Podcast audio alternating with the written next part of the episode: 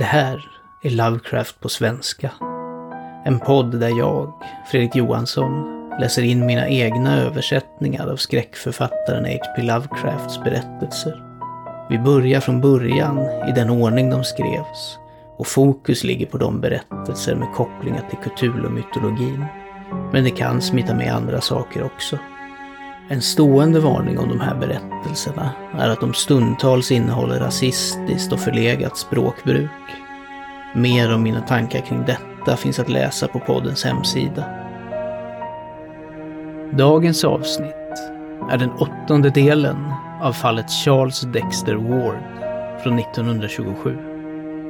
När Dr. Willett hittar Charles i Pawtuxet-bungalowen, sjuk och väsande, tar Charles under deras samtal tillbaka allt han meddelat Willett i sitt brev och återgår till uppmaningen att låta honom fortsätta med sina undersökningar i fred. Men som med så många stora genier lägger sig administrationen i vägen. När månadens betalningar ska genomföras uppmärksammar banktjänstemännen att Charles underskrift är helt fel. Detta startar en rad händelser som avslöjar stora luckor i Charles minne och sådana förändringar i hans beteende att han slutligen tas in på ett mentalsjukhus för vård. Mr Ward, som avskedat portugisen Gomes, tar under tiden hand om bungalowen och mottar snart flera brev adresserade till Charles från en Simon O i Prag och en Edvard H från Transylvanien. Innehållet i dessa brev skrämmer både Mr Ward och Dr Willett och fadern och doktorn beslutar sig för att grundligt genomsöka bungalowen som borde ligga på den plats där Joseph Curvens gård låg, vilken ryktades ha vidsträckta katakomber under sig. God lyssning.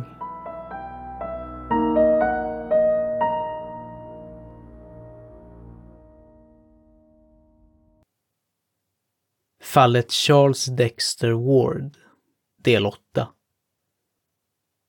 Kapitel 5 en mardröm och en kataklysm. 1. Och nu följde snabbt den avskyvärda upplevelsen som har lämnat sitt outplånliga spår av skräck i Marinus Bicknett Willets själ och har lagt till ett decennium till den synliga åldern för en vars ungdom redan då låg långt bakom honom. Dr. Willett hade konfererat länge med Mr. Ward och kommit överens med honom om ett antal punkter vilka båda ansåg att psykologerna skulle förlöjliga. Det fanns, medgav de, en fruktansvärd rörelse vid liv i världen, vars direkta koppling med en nekromanti ännu äldre än häxkonsten i Salem inte kunde betvivlas. Att åtminstone två levande män och en annan som de inte vågade tänka på var i absolut besittning av sinnen eller personligheter som hade funktionerat så tidigt som 1690 eller tidigare var likaledes nästan obestridligt bevisat även inför alla kända naturlagar. Vad dessa hemska varelser, och Charles Ward likaså, gjorde eller försökte att göra verkade ganska tydligt från deras brev och från varje del, både gammal och ny, som hade belysts när de filtrerats genom fallet. De plundrade gravarna från alla tidsåldrar, inklusive de av världens visaste och största män, i hopp om att återvinna från den svunna askan någon rest av de medvetanden och den lärdom som en gång hade animerat och präglat dem. En fruktansvärd handel pågick bland dessa gravplundrare vi berömda ben byttes med det lugna kalkylerandet av skolpojkar som bytte böcker och från det som utpressades från detta hundraåriga stoft förutsågs en kraft och en visdom bortom någonting som kosmos någonsin hade sett koncentrerat i en man eller grupp. De hade hittat oheliga sätt att hålla sina hjärnor vid liv antingen i samma kropp eller i olika kroppar, och hade uppenbarligen uppnått ett sätt att tappa ur medvetandet hos de döda som de samlat ihop. Det hade, verkar det som, funnits viss sanning hos den kimära gamla Borelius när han skrev om att förbereda från även de mest antika lämningar vissa essentiella salter från vilken skuggan av en sedan länge död levande varelse kunde lyftas upp. Det fanns en formel för att framkalla en sådan skugga och en annan för att lägga ner den. Och den hade nu blivit så fulländad att den kunde läras ut med framgång. Man måste vara försiktig med sådana framkallningar eftersom märkena på gamla gravar inte alltid är korrekta.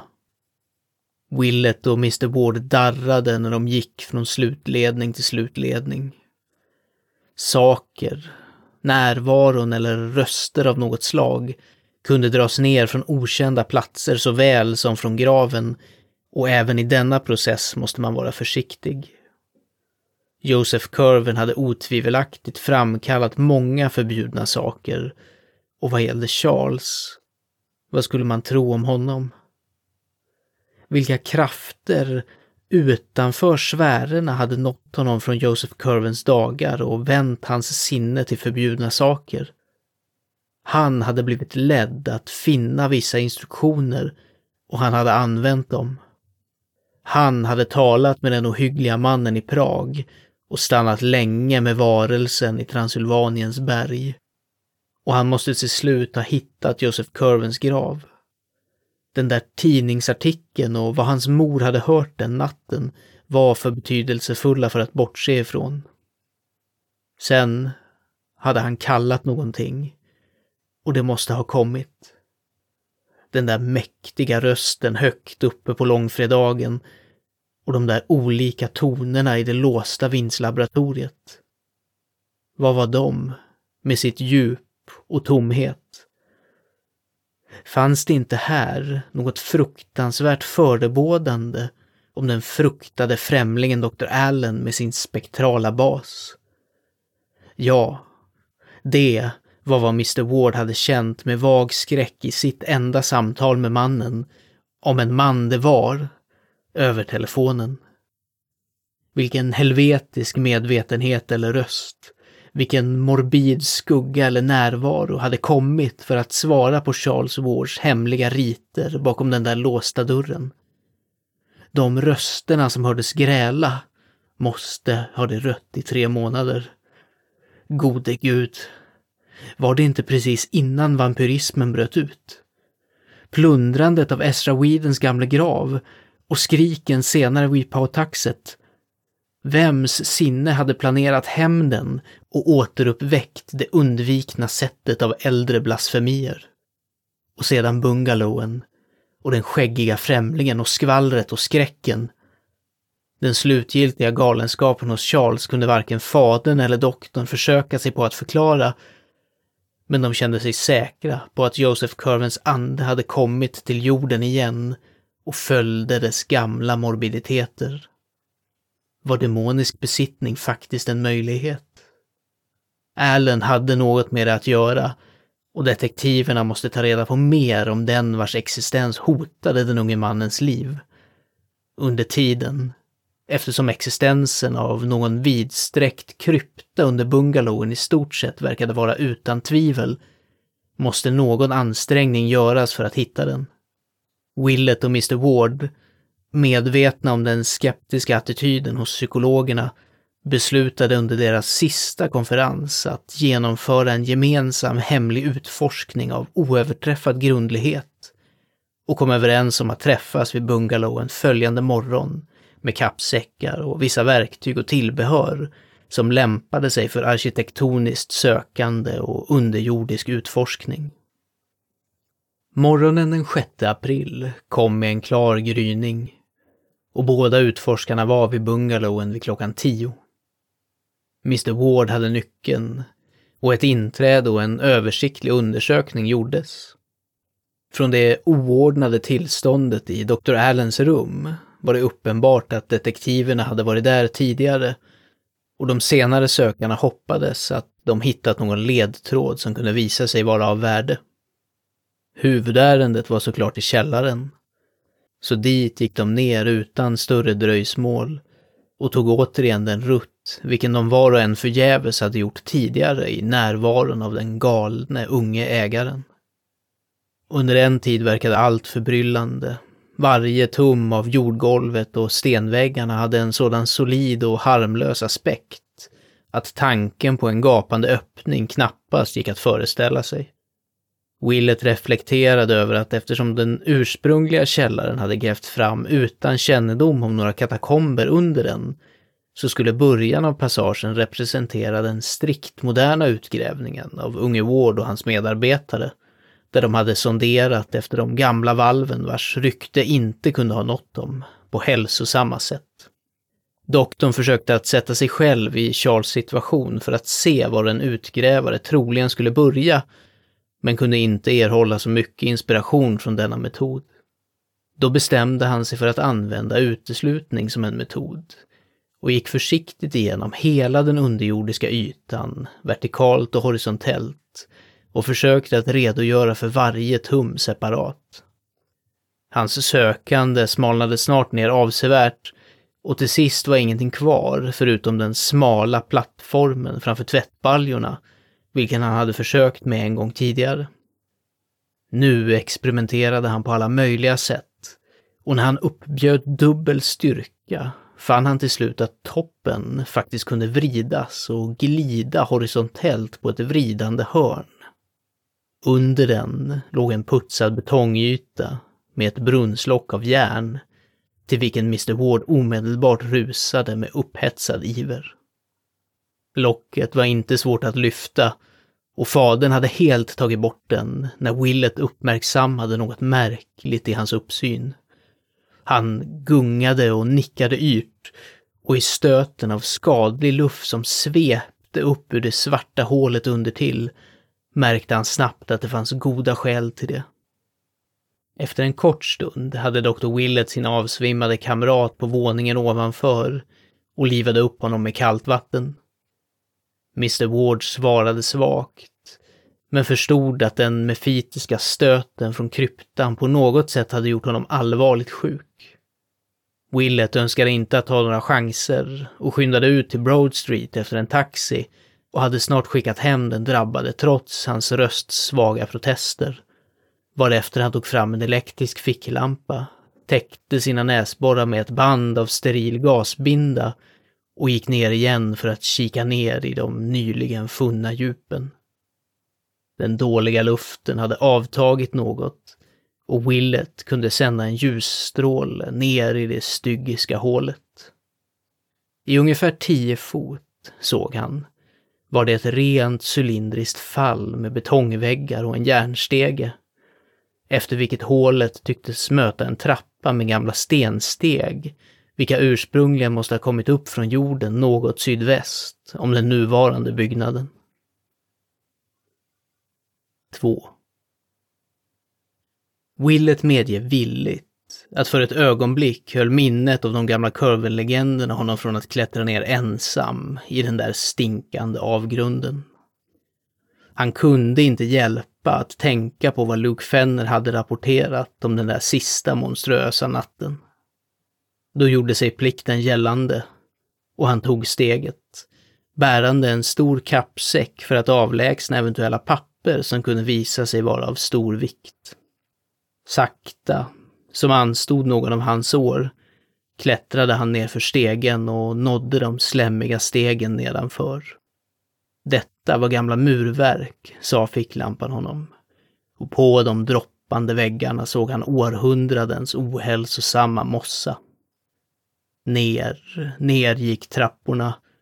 Inte som en spiral, utan i tre abrupta krökningar och med en sådan trång passage att två män endast med svårighet kunde ha passerat.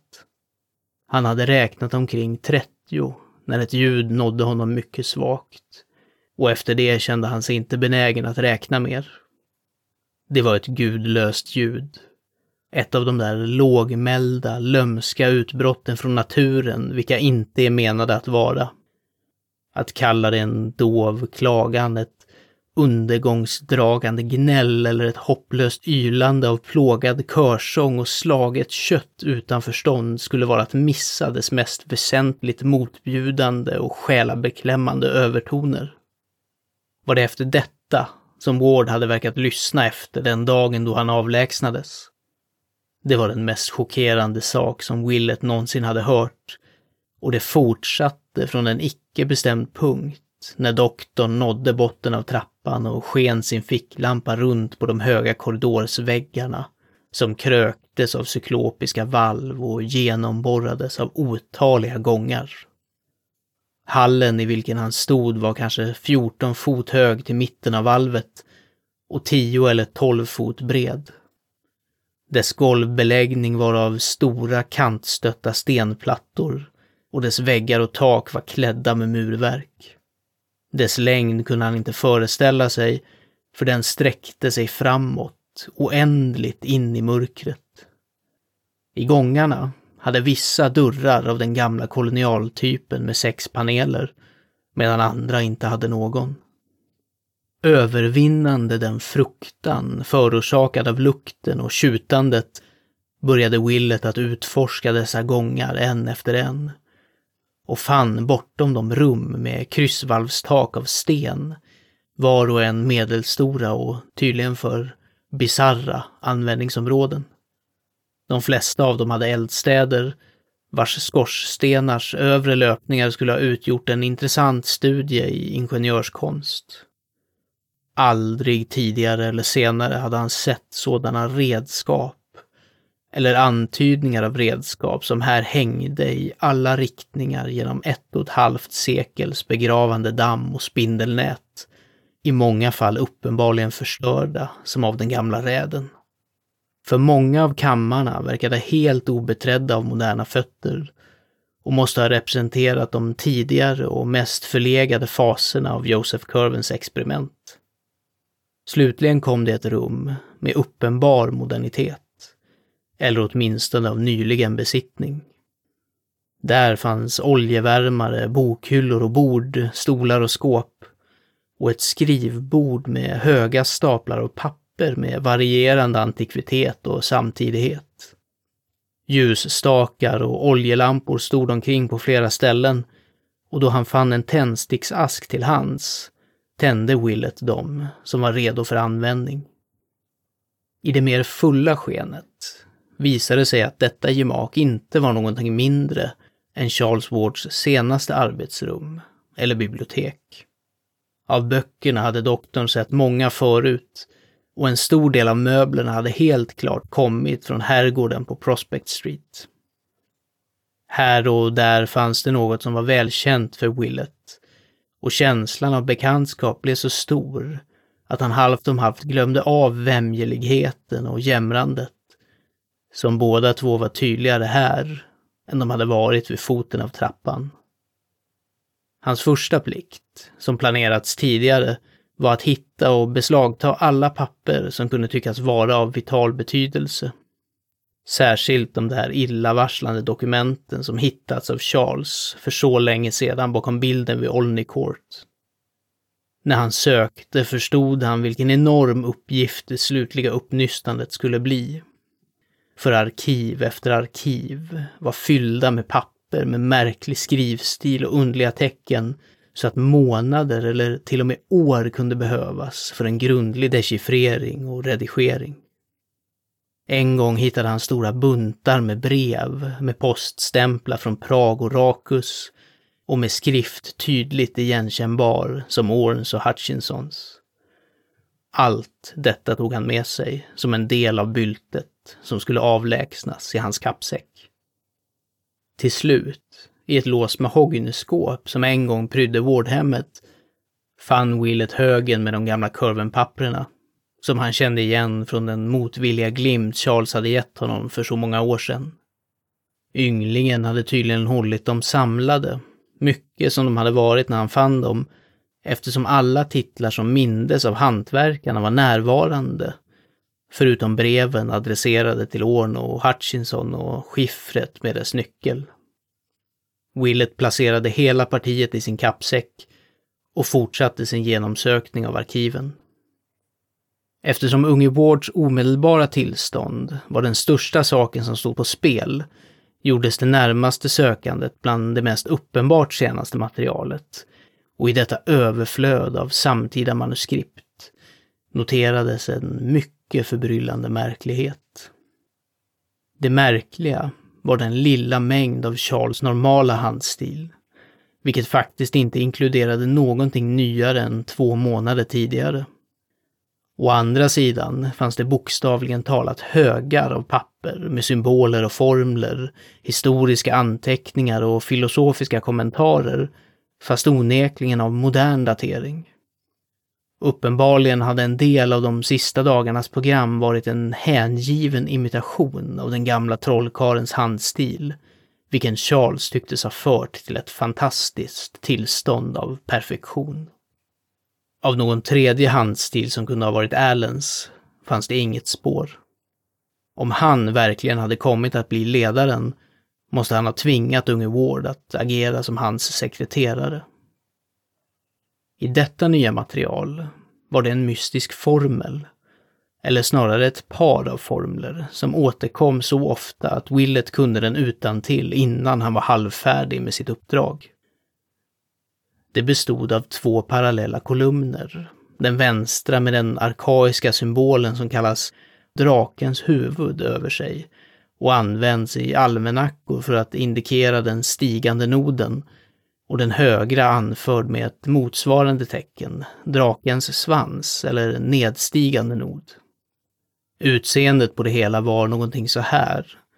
Och nästan omedvetet insåg doktorn att den andra halvan inte var mer än den första, skriven baklänges stavelsemässigt med undantag för de sista enstavelserna och det udda namnet Jogsotot som man hade kommit att känna igen med olika stavningar från andra saker som man hade sett i samband med detta hemska ärende. Formlerna var som följande. Exakt så som Willet i överflöd vittnar om. Och den första slog en udda ton av obekvämt latent minne i hans hjärna, vilket han kände igen senare när han gick igenom händelserna från den där hemska långfredagen från föregående år. Jag nagna jag sothoth he lgrbe, fai throdog ua og throd aif kebl e jag sothoth njanga ai sro. Så intensiva var dessa formler och så ofta kom han över dem så att innan doktorn visste ordet av upprepade han dem lågmält. Så småningom, däremot, kände han att han hade säkrat alla de papper han kunde dra fördel av för tillfället och beslöt sig därför för att inte undersöka mer förrän han kunde ta med de skeptiska psykologerna i grupp för en större och mer systematisk räd. Han behövde fortfarande hitta det gömda laboratoriet, så han lämnade sin kappsäck i det upplysta rummet och gick återigen ut i den svarta, vämjeliga korridoren vars valv oavbrutet ekade med det där dova och avskyvärda gnället. De närmaste rummen han försökte med var alla övergivna eller fyllda endast med sönderfallande lådor och olycksbådande blykistor, men gav honom en förnimmelse av magnituden på Joseph Curvens ursprungliga operationer. Han tänkte på slavarna och sjömännen som hade försvunnit på gravar som hade skändats i alla delar av världen och på vad den sista rädgruppen måste ha sett. Och då bestämde han att det var bättre att inte tänka mer. På en plats var en stor stentrappa som steg uppåt på hans högersida och han drog slutsatsen att den måste ha gått till ett av kurvens gårdshus. Kanske den berömda stenbyggnaden med sina höga glipor till fönster Förutsatt att de stegen han hade gått ner för hade lett från gården med det branta taket. Plötsligt tycktes väggarna falla bort framöver och stanken och klagandet växte sig starkare. Willet såg att han hade kommit fram till en vidsträckt öppen plats. Så stor att hans ficklampa inte kunde lysa till andra sidan.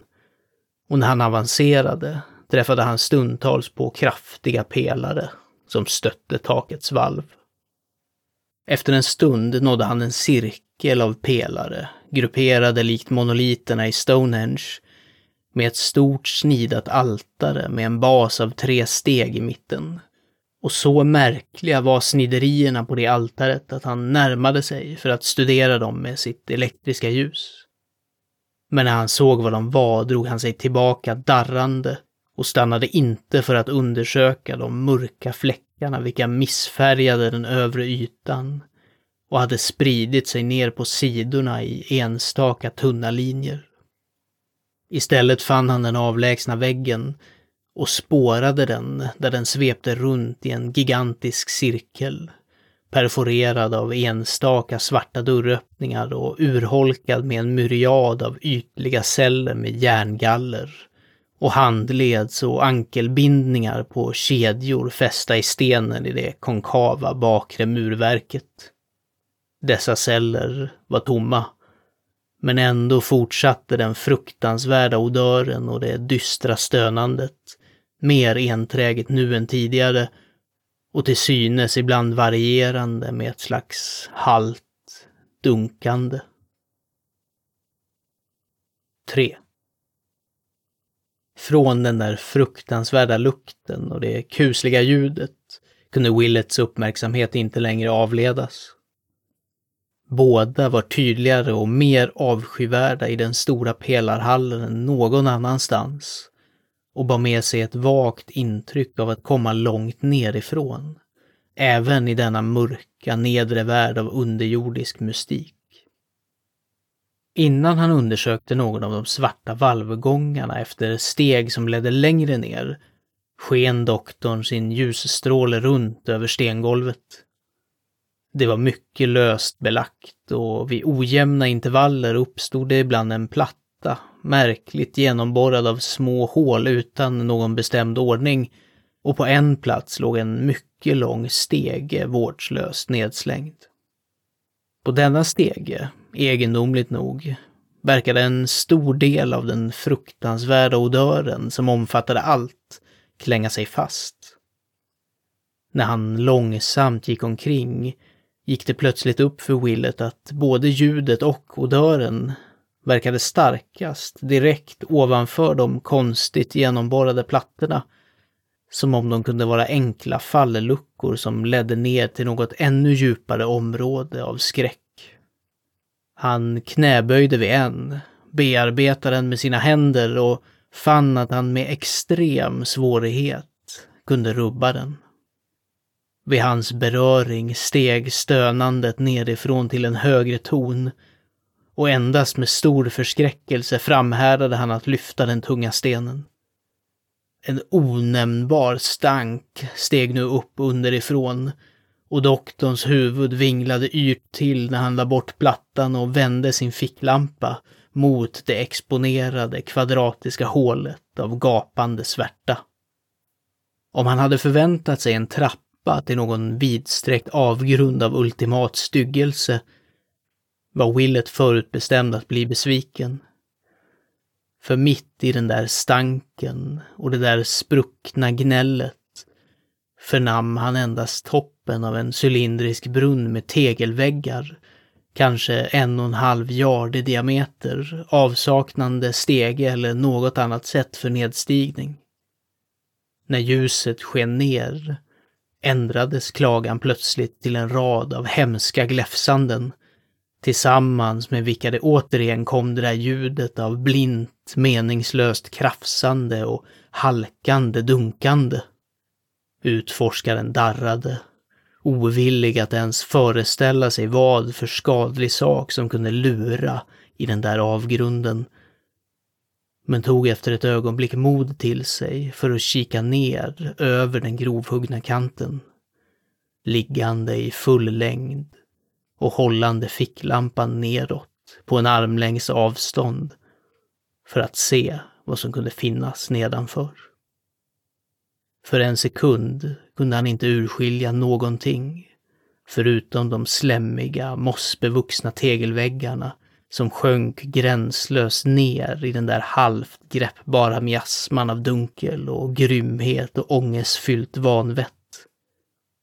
Och då såg han att någonting mörkt hoppade klumpigt och frenetiskt upp och ner, längst ner på botten av det smala schaktet, som måste ha varit från 20 till 25 fot under stengolvet där han låg.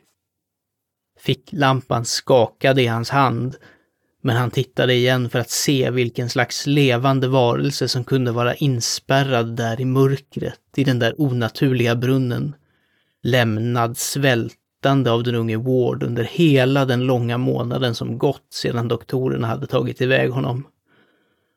Och tydligen endast en av ett stort antal fängslade i de närliggande brunnarna, vars genomborrade stenlock så tjockt nitade golvet i den stora välvda grottan. Vad än sakerna var kunde de inte lägga sig ner i sina trånga utrymmen, utan måste ha hukat sig och gnällt och väntat och klent hoppat alla dessa hemska veckor sedan deras herre hade övergett dem förbisedda. Men Marinus Bicknet Willett ångrade att han tittade igen. För även om han var en kirurg och veteran i dissekeringsrummet har han inte varit sig lik sedan dess. Det är svårt att förklara exakt hur en enda blick på ett påtagligt föremål av mätbara dimensioner så kan skaka om och förändra en man. Och vi kan endast säga att det finns i vissa konturer och väsen en kraft av symbolik och suggestion som verkar skrämmande för en känslig tänkares perspektiv och viskar fruktansvärda antydningar om obskyra kosmiska förhållanden och onämnbara verkligheter bakom de skyddande illusionerna av ordinär vision. I den där andra titeln såg Willet en sådan kontur eller väsen. För under de kommande ögonblicken var han utan tvekan lika fullständigt galen som vilken intagen som helst på Dr. Waits privata sjukhus. Han tappade den elektriska ficklampan från en hand som var dränerad på muskelstyrka eller på nervernas koordination och lyssnade inte på ljudet av krasande tänder, vilka berättade om dess öde på botten av gropen. Han skrek och skrek och skrek i en röst vars falsetto-panik ingen bekant till honom någonsin skulle ha känt igen. Och fastän han inte kunde resa sig upp på sina fötter kravlade han och rullade separat iväg över den fuktiga stenbeläggningen där dussintals av Tartarusbrunnar välde fram sina utmattade gnäll och gläfsanden i svar på hans egna galna skrik. Han rev upp sina händer på de grova lösa stenarna och slog många gånger sitt huvud mot de frekventa pelarna. Men ändå fortsatte han. Till slut blev han långsamt sig själv i den yttersta svärtan och stanken och stängde sina öron mot det drönande jämrandet som utbrottet av gläfsande hade glidit över till. Han var dränkt av svett och utan medel för att frambringa ett ljus. Slagen och nervös av den avgrundsdjupa svärtan och fasan och krossad av ett minne som han aldrig kunde utplåna. Under honom levde dussintals av dessa saker fortfarande och på ett av schakten hade locket tagits bort. Han visste att det han hade sett aldrig kunde klättra upp för de hala väggarna men ändå ryste han vid tanken på att något obskyrt fotfäste kunde existera. Vad saken var kunde han aldrig säga. Det var likt vissa av ristningarna på det helvetiska altaret, men det var levande. Naturen hade aldrig skapat den i denna form, för den var alltför påtagligt ofärdig. Defekterna var av de mest överraskande slagen och abnormaliteterna i proportionerna kunde inte beskrivas. Willet samtycker endast till att säga att den här typen av sak måste ha representerat entiteter vilka Ward hade kallat upp från ofullkomliga salter och vilka han behöll som tjänare eller för ritualistiska syften. Om den inte hade haft en viss betydelse skulle dess bild inte ha ristats in på den där förbannade stenen. Det var inte den värsta saken som avbildades på den stenen, men Willet öppnade aldrig de andra groparna. Vid tillfället var den första sammankopplade tanken i hans sinne den av en kort paragraf från några av de gamla kurvenuppgifterna han hade tagit del av långt innan. En fras som användes av Simon eller Jebedaja i den där illavarslande konfiskerade brevet till den svunna trollkarlen. Säkerligen, det var ingenting mer än den livligaste förskräcklighet till det som H väckte upp från det som han bara kunde samla en del av. Sedan, fruktansvärt kompletterande, snarare än att förskjuta den här bilden, kom det ett minne av de där gamla, kvardröjande ryktena angående den brända, förvrängda saken som hittades på fälten en vecka efter kurvenräden. Charles Ward hade en gång berättat för doktorn vad gamle Slocum sa om det föremålet. Att det varken var helt mänskligt eller helt överensstämmande med något djur som Pautaxet-folket någonsin sett eller läst om. Dessa ord surrade i doktorns sinne när han gungade fram och tillbaka, hukande på det nitrösa stengolvet. Han försökte att driva ut dem och upprepade Herrens bön för sig själv och gled så småningom in i en rörig minnesramsa likt den modernistiska Det öde landet av Mr. T.S. Eliot. Och slutligen återgick han till den ofta upprepade dubbla formen han nyligen hade funnit i Wards underjordiska bibliotek. Jai Nagna, Jog Sotot och så vidare till den avslutande understrukna Sro. Det tycktes lugna honom och han vacklade upp på benen efter en tid. Bittert beklagande sin av skräck försvunna ficklampa och såg sig vilt omkring efter någon ljusglimt i den täta bläcksvärtan av kylig luft. Troende att han inte skulle se det spände han ändå ögonen i varje riktning efter någon svag glimt eller reflektion av den starka belysning han hade lämnat i biblioteket. Efter ett tag tyckte han att han upptäckte en misstanke om ett sken oändligt långt borta och mot detta kröp han med plågad försiktighet på händer och knän, mitt i stanken och ylandet. Alltid kännande framför sig så att han inte skulle kollidera med de åtskilliga stora pelarna eller snubbla in i den avskyvärda grop han hade avtäckt. En gång rörde hans skakande fingrar någonting som han visste måste vara stegen som ledde till det helvetiska altaret. Och från denna plats ryggade han tillbaka i avsky. Vid ett annat tillfälle stötte han på den genomborrade plattan som han hade tagit bort. Och här blev hans försiktighet nästan ynklig. Men han stötte inte på den fruktansvärda öppningen trots allt. Och det kom inte heller något från den öppningen för att hålla kvar honom. Det som hade funnits där nere gjorde inte ett ljud och rörde sig inte. Tydligen hade knaprandet av den tappade elektriska ficklampan inte varit bra för den. Varje gång Willets fingrar kände en perforerad platta darrade han. Hans passage över en kunde ibland öka stönandet nedanför, men generellt gav det ingen effekt alls, eftersom han rörde sig mycket ljudlöst. Flera gånger under hans framsteg minskade skenet framöver märkbart och han insåg att de olika ljusen och lamporna han hade lämnat måste brinna ut en efter en. Tanken på att vara vilse i totalt mörker utan tändstickor mitt i denna underjordiska värld av mardrömslabyrinter drev honom till att resa sig upp och springa, vilket han nu säkert kunde göra nu när han hade passerat den öppna gropen. För han visste att när ljuset väl sinat så skulle hans enda hopp om räddning och överlevnad ligga i vilken undersättningsgrupp som Mr Ward kunde skicka efter honom när han väl hade varit saknad under en tillräckligt lång period.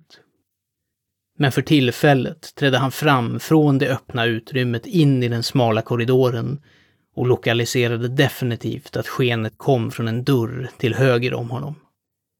På ett ögonblick hade han nått den och stod än en gång i unga Wards hemliga bibliotek, darrande av lättnad och såg på fräsandet från den sista lampan som hade fört honom i säkerhet. 4. En stund senare höll han hastigt på att fylla de utbrända lamporna från ett oljeförråd han tidigare lagt märke till och när rummet var ljust igen såg han sig omkring för att se om han kunde hitta en lykta för vidare utforskning. För trots att han var skakande av skräck var hans känsla av obeveklig beslutsamhet fortfarande främst och han var fast besluten att inte lämna något ogjort i hans sökande efter faktan bakom Charles Wards bisarra galenskap. Då han misslyckades med att hitta en lykta valde han den minsta av lamporna att bära med sig, fyllde också sina fickor med ljus och tändstickor och tog med sig en gallonburk med olja, vilken han hade för avsikt att reservera för användning i vilket gömt laboratorium han nu kunde upptäcka bortom det fruktansvärda öppna utrymmet med dess orena altare och namnlösa täckta brunnar. Att korsa det utrymmet igen skulle kräva hans yttersta själastyrka, men han visste att det måste göras. Tursamt nog var varken det fruktansvärda altaret eller det öppna schacket nära den vidsträckta väggen med de ytliga cellerna som avgränsade grottområdet och vars svarta mystiska valv logiskt sett skulle utgöra nästa mål för genomsökning. Så Willet gick tillbaka till den stora pelarsalen av stank och ångestfyllt tjutande drog ner sin lampa för att undvika en glimt av det helvetiska altaret eller av den avtäckta gropen med den genomborrade stenplattan bredvid. De flesta av de svarta dörröppningarna ledde endast till små kammare. Några tomma och några som uppenbarligen använts som förråd. Och i flera av de senare såg han några mycket märkliga ansamlingar av olika föremål. En var packad med ruttnande och dammklädda balar av reservkläder och utforskaren kände spänning när han såg att det otvetydigt var klädsel från ett och ett halvt sekel tidigare. I ett annat rum fann han åtskilliga diverse moderna kläder, som om gradvisa åtgärder vidtogs för att utrusta en stor grupp män. Men det han ogillade mest var de enorma kopparfaten, vilka stundtals dykte upp. Dessa och de olycksbådande inkrustationerna på dem. Han tyckte om dem ännu mindre än de märkligt formade blyskålarna vars kanter bevarade sådana vidriga avlagringar och runt vilka det klängde sig fast avvisande odörer märkbara även över den allmänna kvalmigheten i kryptan. När han hade gått över ungefär hälften av hela väggens omkrets fann han en annan korridor, lik den från vilken han hade kommit och ur vilka många dörrar var öppnade. Denna fortsatte han att undersöka och efter att ha gått in i tre rum av medelstor storlek och utan anmärkningsvärt innehåll kom han till sist till ett stort avlångt gemak vars affärsliknande tankar och bord, brännugnar och moderna instrument, enstaka böcker och oändliga hyllor med burkar och flaskor förkunnade att detta verkligen var Charles Wards länge eftersökta laboratorium. Och utan tvekan Joseph Curvens innan honom. Efter att ha tänt de tre lamporna, vilka han fann fyllda och klara, undersökte Dr. Willett platsen och all dess apparatur med största intresse och noterade från de igenkänningsbara mängderna av olika reaktanter på hyllorna att unge Wards huvudsakliga befattning måste ha varit med någon gren av organisk kemi. på det hela taget kunde lite läras från den vetenskapliga ensemblen som innefattade ett kusligt dissektionsbord. Så rummet var i själva verket en besvikelse. Bland böckerna fanns ett slitet gammalt exemplar av Borelius i gotisk skrift. Och det var märkligt intressant att notera att Ward hade strukit under samma stycke vars märken så hade stört gode Mr Merritt på Curvens gård mer än ett och ett halvt sekel tidigare. Det äldre exemplaret måste, naturligtvis, ha försvunnit tillsammans med resten av Curvens okulta bibliotek i den slutgiltiga räden. Tre valvgångar öppnades i slutet av laboratoriet och dessa fortsatte doktorn att undersöka i ordning. Av sin första översiktliga undersökning såg han att två endast ledde till små förråd, men dessa granskade han noggrant och noterade högen av kistor i olika stadier av förstörelse och darrade våldsamt åt två eller tre av de kistplakat han kunde dechiffrera. Det fanns också mycket kläder förvarade i dessa rum och flera nya och hårt igenspikade lådor som han inte stannade vid för att undersöka. Mest intressant av allt, kanske, var några konstiga delar som han bedömde vara fragment från gamle Joseph Curvens laboratorieapparater. Dessa hade skadats av deltagarna i räden, men var fortfarande delvis igenkänningsbara som de kemiska attiraljerna från den georgiska perioden. Den tredje valvgången ledde till en mycket stor kammare helt klädd med hyllor och som hade i mitten ett bord med två lampor. Dessa lampor tände Willet och studerade i deras strålande sken de ändlösa hyllorna som omgav honom. Några av de övre nivåerna var helt tomma, men det mesta av utrymmet var fyllt med små udda blyburkar av främst två typer. Den ena hög och utan handtag likt en grekisk lekyt eller oljekanna och den andra med ett ensamt handtag och med proportioner som en faleronkaraff. Alla hade metallproppar och var täckta med märkliga symboler gjutna i låg relief. Efter en stund märkte doktorn att dessa kannor var klassificerade mycket tydligt. Alla lekyter fanns på en sida av rummet vid en stor träskylt över dem med texten Custodes och alla falleroner på den andra sidan, motsvarande märkta med en skylt med texten Materia. Var och en av burkarna eller kannorna, förutom några på de övre hyllorna som visade sig vara tomma, bar en kartongetikett med ett nummer som tydligen hänvisade till en katalog och Willet beslöt sig för närvarande att leta efter den senare. För tillfället däremot var han mer intresserad av samlingen som helhet och öppnade experimentellt flera av lekyterna och falleronerna på måfå för att bilda sig en grov uppfattning. Resultatet var oföränderligt. Båda typerna av krukor innehöll en liten mängd av en enda sorts substans. Ett fint, dammigt pulver med mycket lätt vikt och många nyanser av matt, neutral färg. Av färgerna vilka utgjorde det enda slaget av variation, fanns det ingen uppenbar metod av ordning och ingen skillnad mellan vad som fanns i lekyterna eller vad som fanns i falleronerna. Ett blågrått pulver kunde stå vid sidan av ett rosavitt och vilken som helst av falleronerna kunde ha sin exakta motsvarighet i en lekyt. Den mest speciella egenskapen med pulvren var deras avsaknad av vidhäftningsförmåga. Wille kunde hälla en i sin hand och när han återförde den till sin kanna upptäcka att inga som helst rester fanns kvar på dess handflata.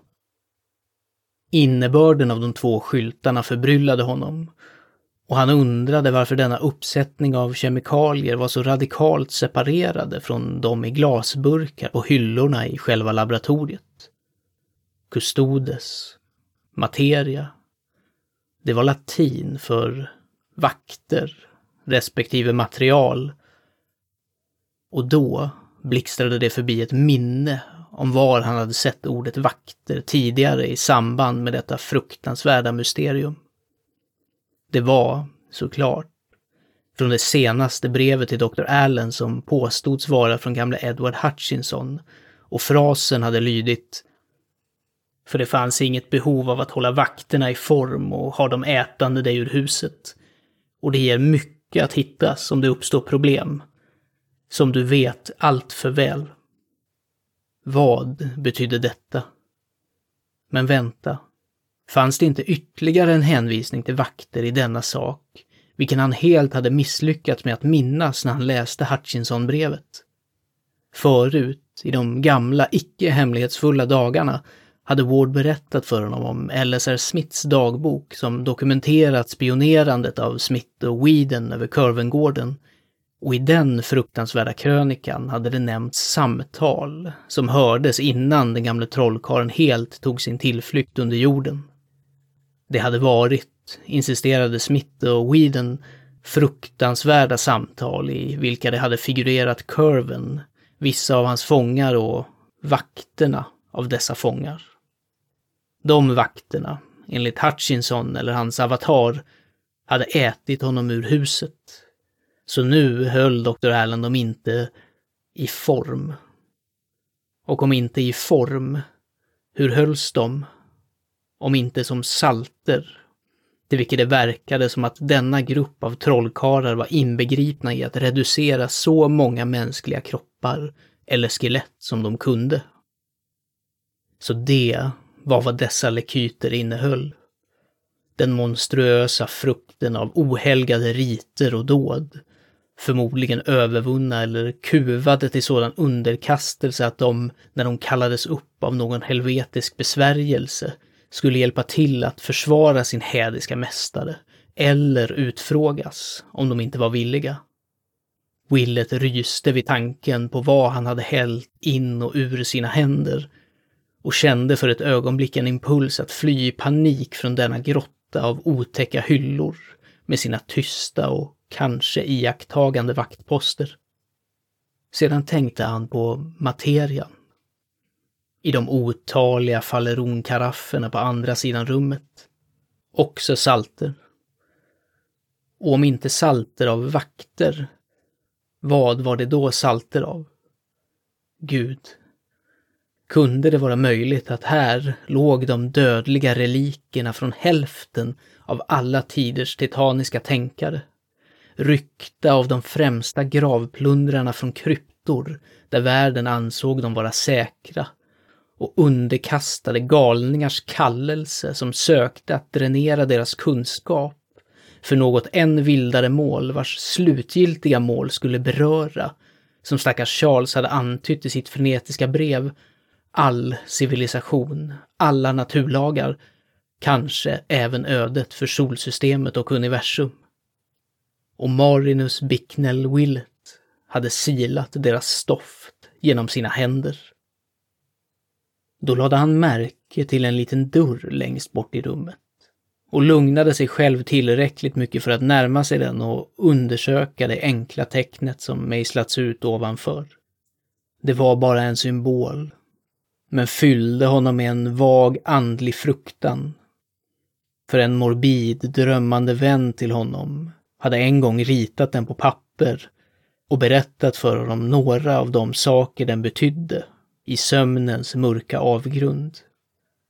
Det var tecknet för kott, som drömmare ser fixerat ovanför valvbågen till ett visst svart torn, stående ensamt i skymningen. Och Willett tyckte inte om vad hans vän Randolph Carter hade sagt om dess krafter. Men ett ögonblick senare glömde han tecknet, när han kände igen en ny frän odör i den stankfyllda luften. Detta var en kemisk, snarare än en djurlukt, och kom tydligt från rummet bortom dörren. Och det var, omisskännligt samma odör som hade genomsyrat Charles Wards kläder den dagen då doktorerna hade fört bort honom. Så det var här som ungdomen hade blivit avbruten av den sista kallelsen. Han var klokare än gamle Joseph Curven, för han hade inte kämpat emot. Willett, djärvt besluten att tränga igenom varje under och mardröm detta nedre rike kunde innehålla, grep den mindre lampan och korsade tröskeln. En våg av namnlös förskräckelse rullade ut för att möta honom, men han gav inte vika för något infall och tog inte hänsyn till någon intuition. Det fanns ingenting levande här som kunde skada honom och han skulle inte hejdas i sin genomträngning av det underjordiska moln som uppslukade hans patient. Rummet bortom dörren var medelstort och hade inga möbler förutom ett bord, en ensam stol och två grupper underliga maskiner med klämmor och hjul, vilka Willet efter en stund kände igen som medeltida tortyrredskap. På en sida om dörren stod ett ställ med barbariska piskor, ovanför vilka det fanns några hyllor med tomma rader av grunda sockelkoppar av bly, formade likt grekiska kulixer. På andra sidan var bordet med en stark argandlampa, ett block och en penna och två av de igenproppade lektyerna från hyllorna utanför, placerade på oregelbundna platser som av tillfällighet eller brådska.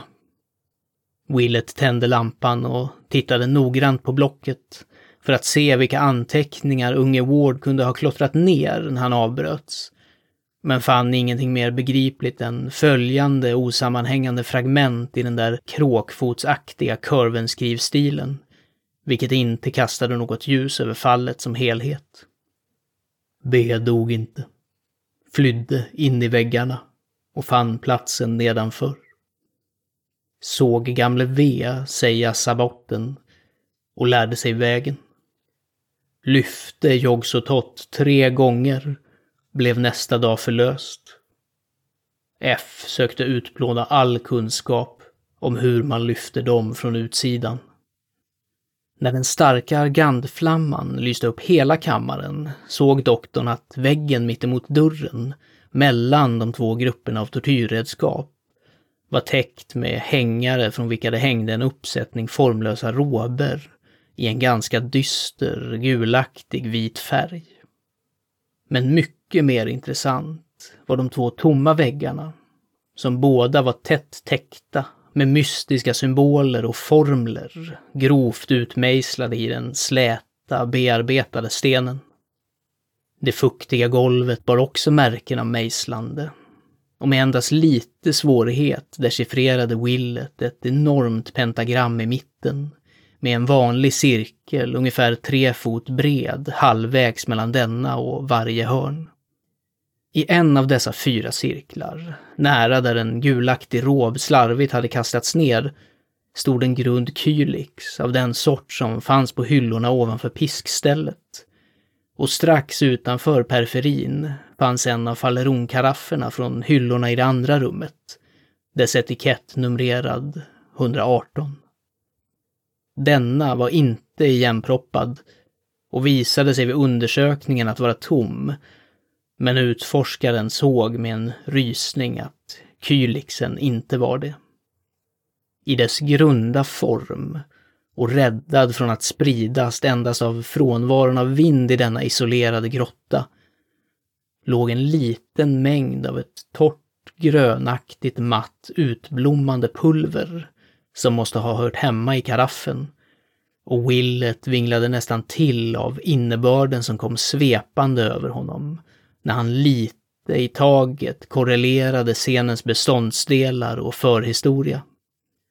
Piskorna och tortyrredskapen, stoftet eller salterna från karaffen av materia de två lekyterna från kustodeshyllan, råberna, formlerna på väggarna, anteckningarna i blocket, antydningarna från breven och legenderna och de tusen glimtar, tvivel och antaganden vilka hade kommit att plåga vännerna och föräldrarna till Charles Ward.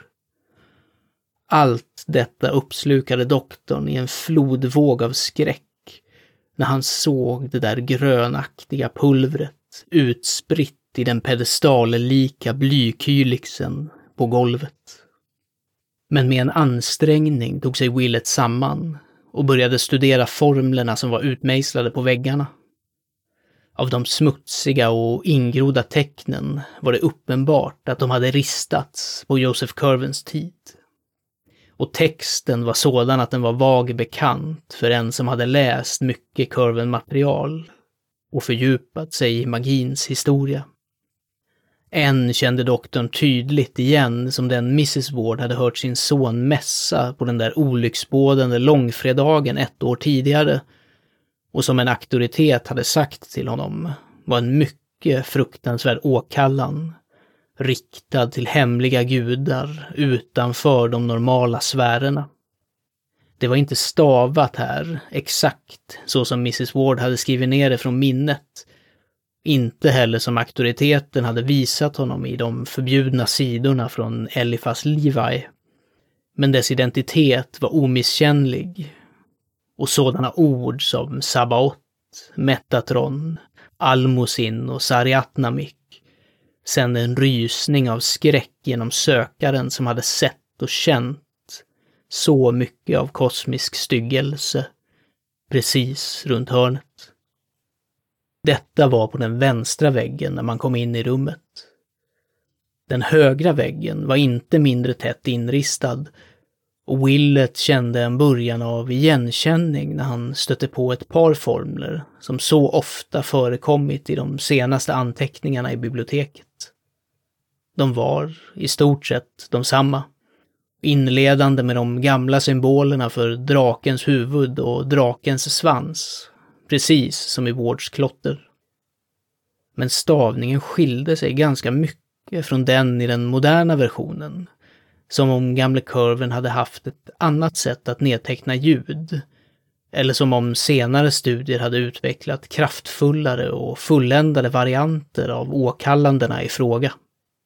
Doktorn försökte förena den inristade versionen med den som fortfarande envist ekade i hans huvud och fann det svårt att göra.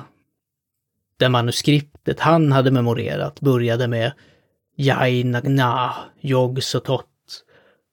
Började denna inskrift med Ai Enginga Yog Sotota.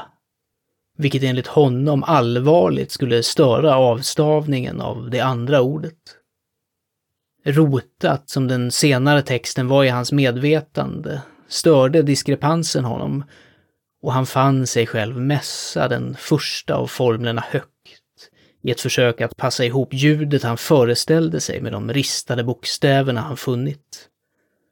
Märkligt och hotfullt ringde hans röst i den där avgrunden av urtida hädelse. Dess accenter stämda till en drönande sång. Antingen genom förtrollningen från det förflutna och det okända, eller genom det helvetiska exemplet från det där dova, gudalösa klagandet från groparna, vars avlägsna omänskliga kadens steg och föll rytmiskt genom stanken och mörkret. Jai nagna, jogsotot, he lereb, faithrodog, Uah.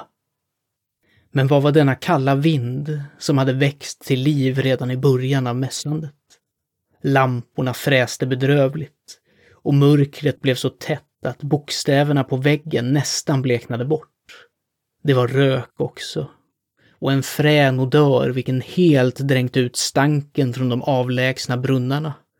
En odör lik den han hade känt förut, men ändå oändligt mycket starkare och skarpare.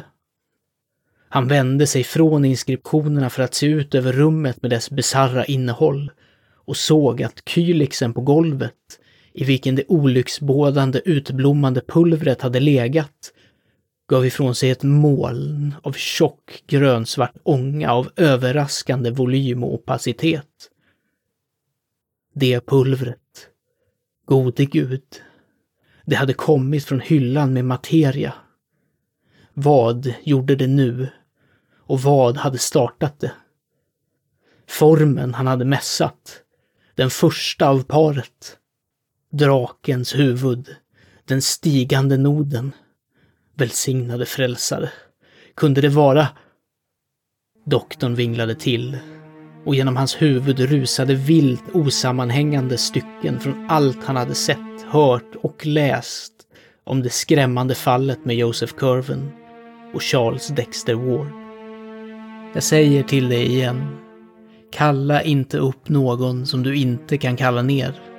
Ha orden för nedläggande vid alla tider redo. Och sluta inte för att vara säker när det finns något tvivel om vem du har. Tre samtal med det som var begravt där i. Gud i himlen, vad är det där för skepnad bakom den skingrande röken?